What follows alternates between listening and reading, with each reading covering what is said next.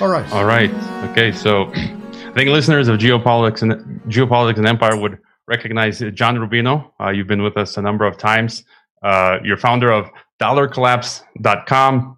Uh, you're author and co-author of a number of great books, which uh, people should check out. And so we were just talking about the 2008 global financial crisis, and I, I thought, you know, you you wrote a really interesting piece recently called that this is the least important uh, election of our lifetimes.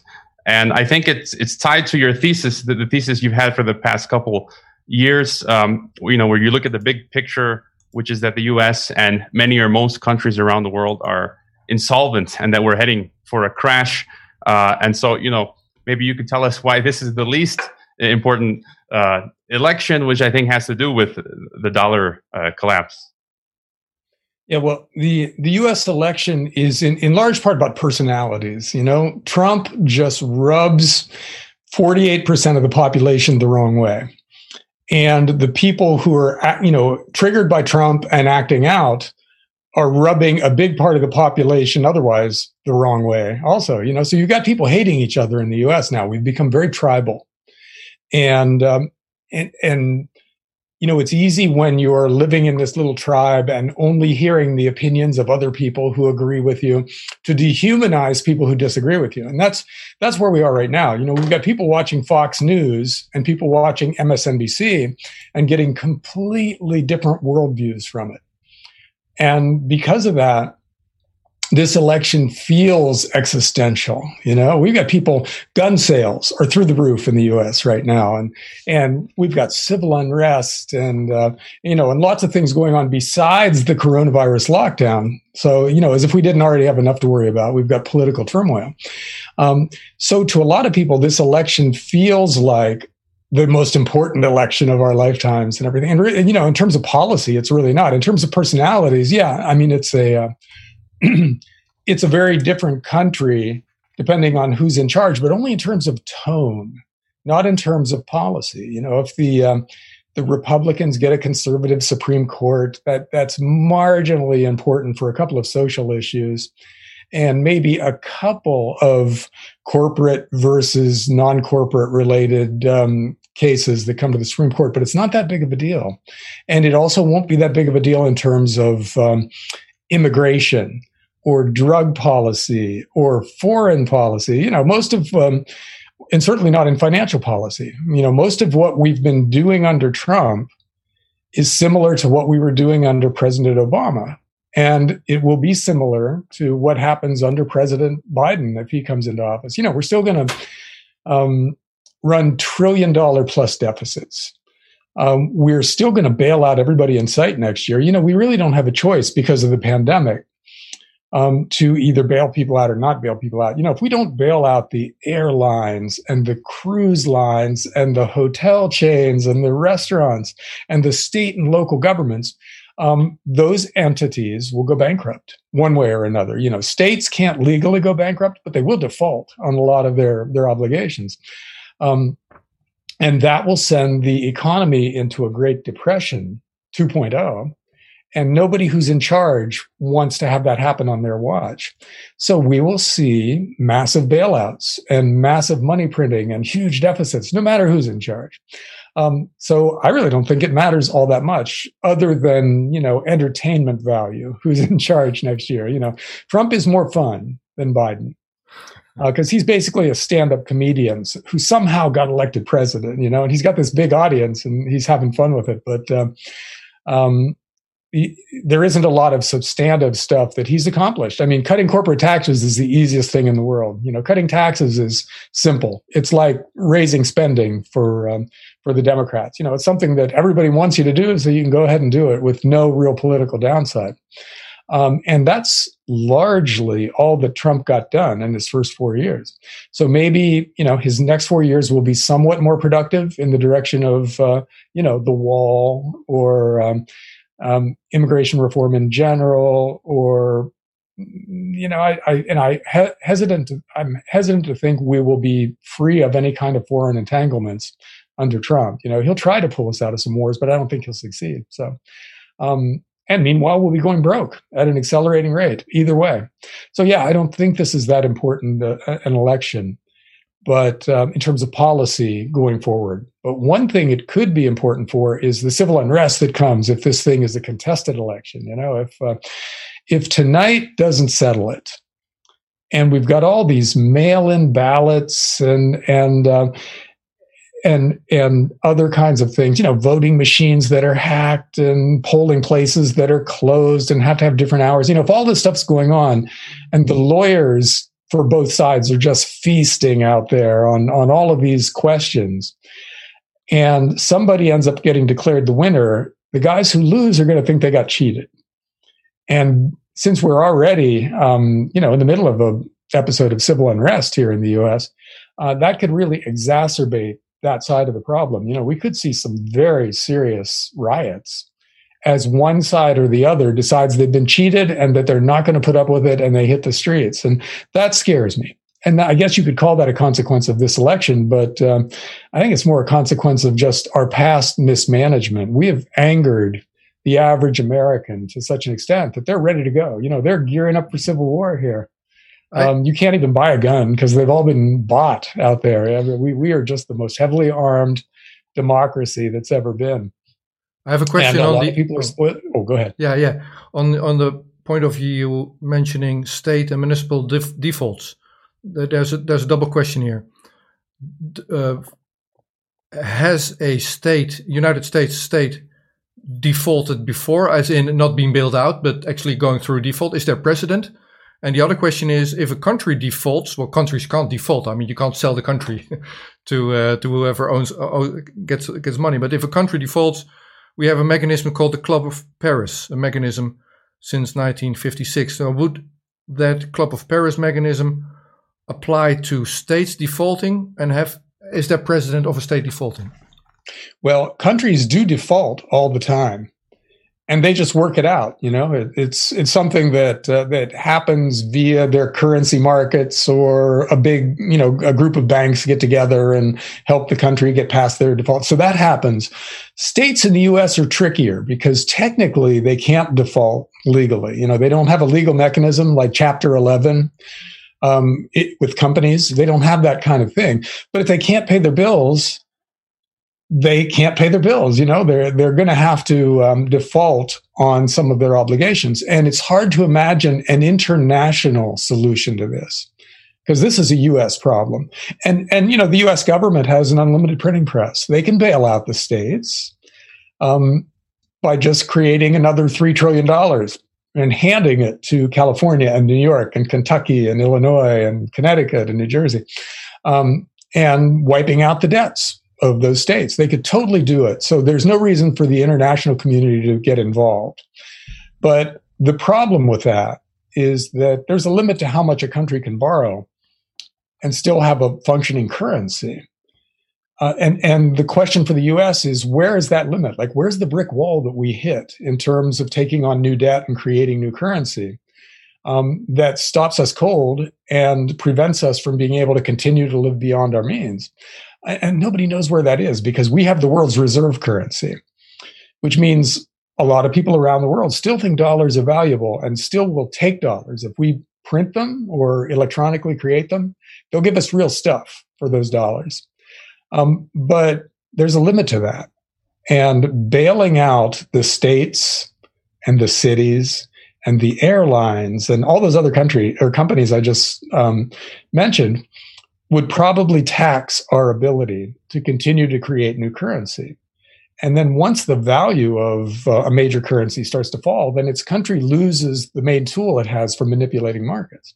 And so that's that's what I worry about for us that we're we're heading into a time when um, the financial system just doesn't work anymore because it's too deeply indebted, it's too over leveraged. And then we have nothing left. You know, we've got immense debts that we can't pay and um, we've got obligations around the world. You know, we've got a military empire that costs us a trillion dollars a year, and a cradle to grave entitlement system that costs about that too. So, you know, take those, take, take away our ability to borrow money to fund those things. There's no telling what happens. So, um, that's what I see in our future. And the coronavirus lockdown just accelerated this process by causing us to borrow insane amounts of money this year and forcing us to borrow just that much more next year.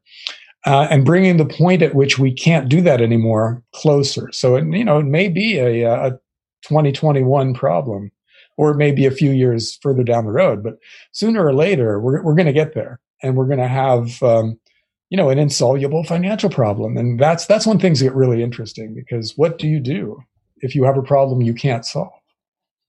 And speaking of civil uh, unrest, I was listening to an interview you gave recently talking about uh, your wife, who's not a prepper, but she's like, uh, "Yeah, we got to get some guns." she's and, a prepper so, now, yeah.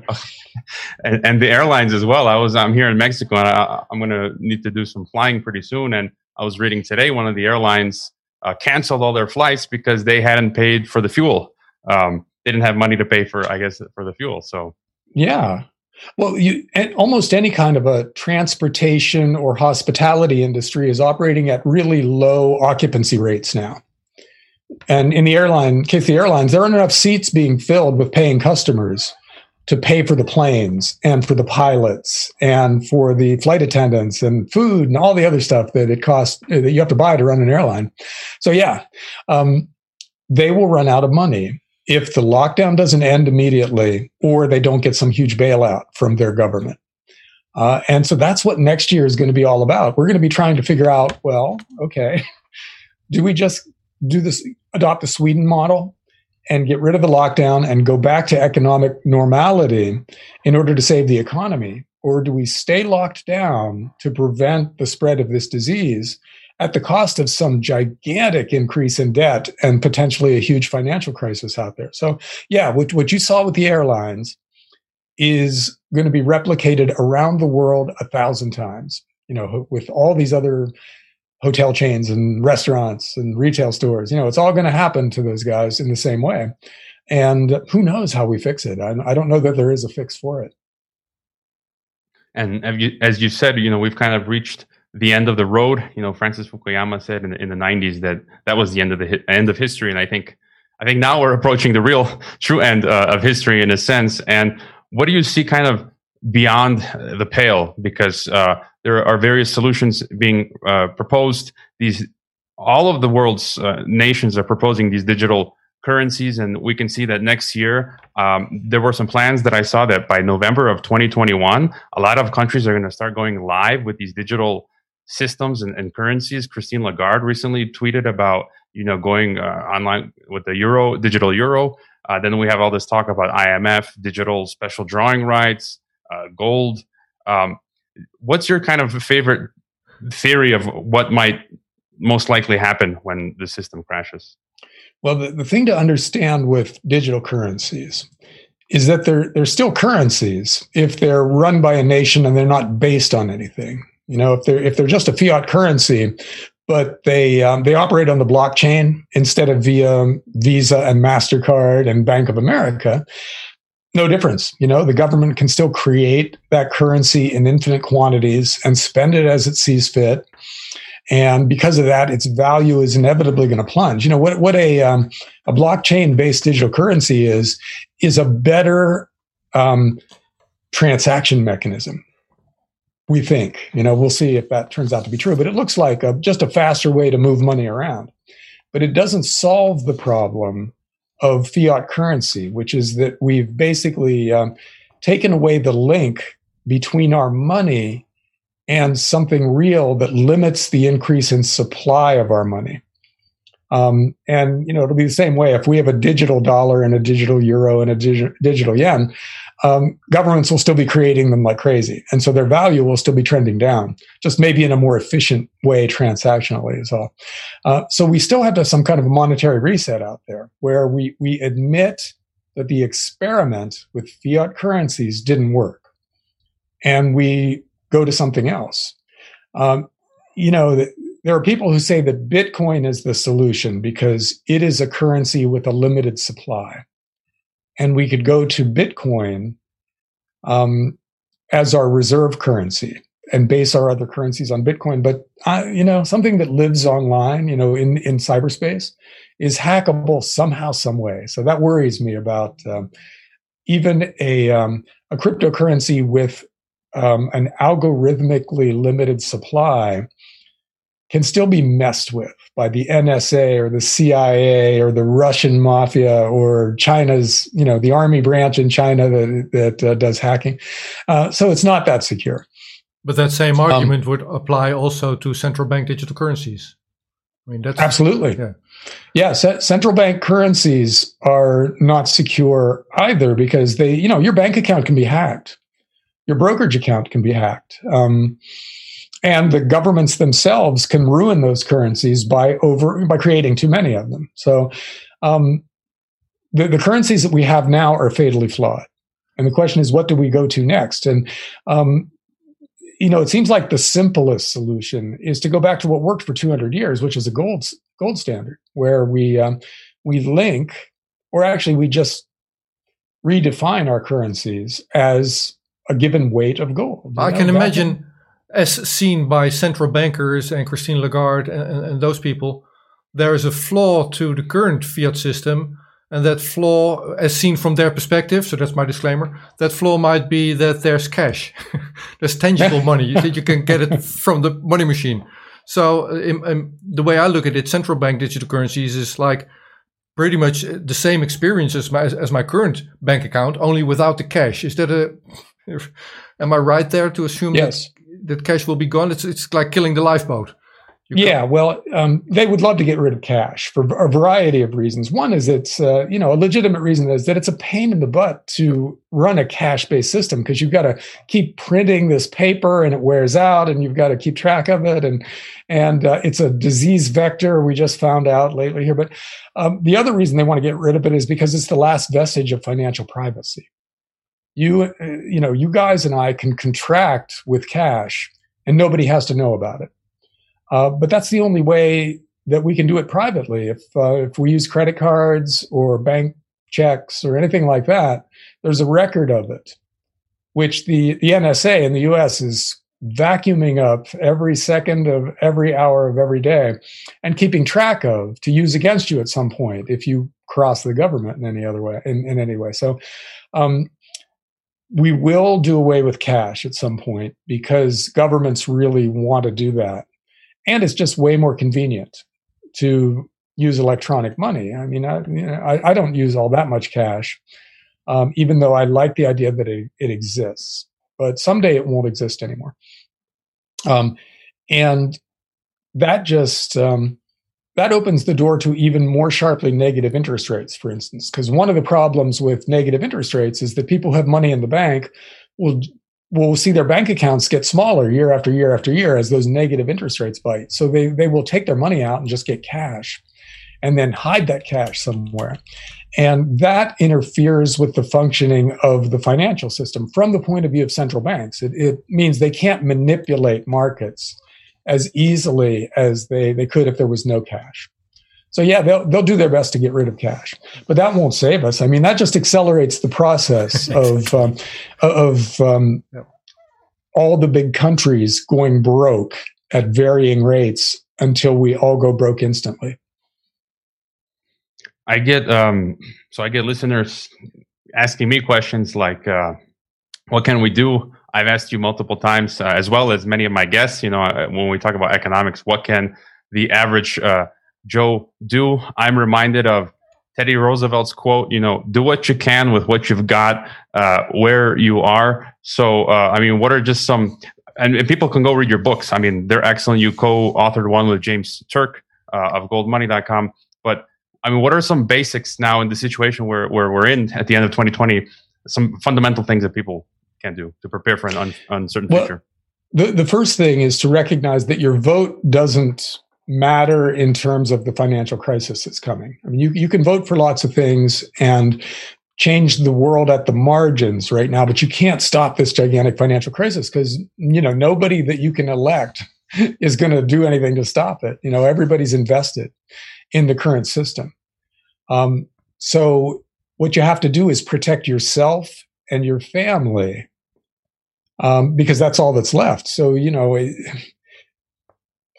the, the concept of prepper has some negative connotations.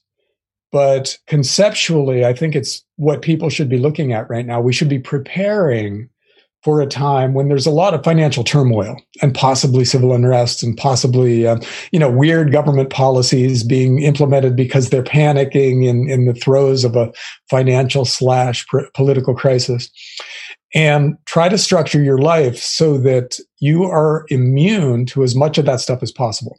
And you know, here in the US right now, the hottest part of the real estate market is rural land. Everybody's trying to buy a homestead because they want to be able to grow their own food um, so they don't have to depend on global food supply chains, which are all of a sudden not that stable, right? Not that reliable. Um, and gun sales are through the roof. Um, which implies that people are kind of get, getting ready for either a civil war or some kind of a real period of uncertainty in which they can't necessarily count on the police to save them from trouble. Um, you know, th- those are, are buying an arsenal or buying a farm are fairly extreme responses to this. I like the idea of both of them personally. And I can totally see how someone would want to do that. But um, the financial fix is easier. You know, just go out and buy a bunch of gold and silver on the assumption that those are the kinds of old forms of money that we have used for 3,000 years and they've always held their value. So they will more than likely hold their value again when we screw up our currencies yet another time uh, you know, you can go all the way back to the Roman Empire and before, and there were hyperinflations, and there were there was civil unrest, there were revolutions, there were natural disasters. Gold and silver stayed valuable through all of it for three thousand years. Um, so it will again, and that's how you insulate your finances from the the kind of you know hyperinflation ish thing that might come if we continue to borrow all this money and create all this new currency, and it leads to a, an accelerating decline in the value of our, our monies. Um, and that's relatively simple and uncontroversial. You know, you just go buy a bunch of silver coins, put them in a very safe place, maybe um, shift out of your bank stocks and your Google and your uh, your Amazon stock and buy some gold mining stocks, and you're to an extent protected financially from what's coming because those things that you're buying will tend to go up um, while your bank stocks and while your government bonds and things like that are falling in price along with the currency. So um, you can do that without having to make any kind of an ideological statement. So, although you, you know, I, I, get that um, gold bugs are also part of the, you know, in a lot of people's minds, part of the uh, the prepper community and are maybe seen as survivalists also and everything. But it's a it's a relatively easy, simple thing to do have, that does help prepare you for what's coming. Have you and your wife picked up farming? That will be my last question. or, or maybe not just yet. Uh, you know, my, my wife is serious about this, so I'm I'm kind of being pulled along into you know from being a city boy gold bug into being a uh, gentleman farmer. So we'll see in a few years that that might be my, my new persona. Oh, all right. All right. I think I think uh, our next guest is here, Jim. No. Oh, he he dropped out. Uh, he was here in the waiting room, and now he's disconnected. Maybe I'm not sure, John, if you're familiar with Jim Jatras, the former U.S. diplomat. Can you text him that he should come back in the room? No, but that sounds interesting. I think uh, um, uh, what you said that uh, it won't matter really who wins and that the end game is uh, the same. And I think a lot of our guests are feeling the same way, you know, that it, there won't be, it won't matter. Um, uh, I, but m- maybe some people have brought up the, the idea that a Biden win would accelerate uh, the crash versus Trump maybe buying us a little more time. What do you think about that? Um, I, well, on balance, the Democrats will spend more money than the Republicans. But, you know, before the pandemic hit, we had a Republican government running trillion dollar deficits. So it's not like the Republicans are still the, the party of small government. They, they're running trillion dollar deficits just like the Democrats. So, um, you know, there might be a, a, slight difference in how much money is spent and how fast the, the currency is devalued, but not a big one. You know, it's coming either way. All right. Well, John, Romi- John Rubino of dollarcollapse.com. Be sure to sign sign up to his uh, newsletter. It's it's excellent. And thanks for being with us. Enjoyed it. Thanks a lot. Okay. Take care. Yes, we came, we saw, he died.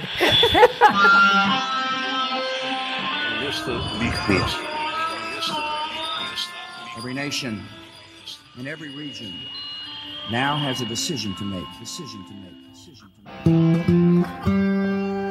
You think I'm joking? Predator drones. You will never see it coming. Laat staan dat ik uh, kan ingaan over vuur.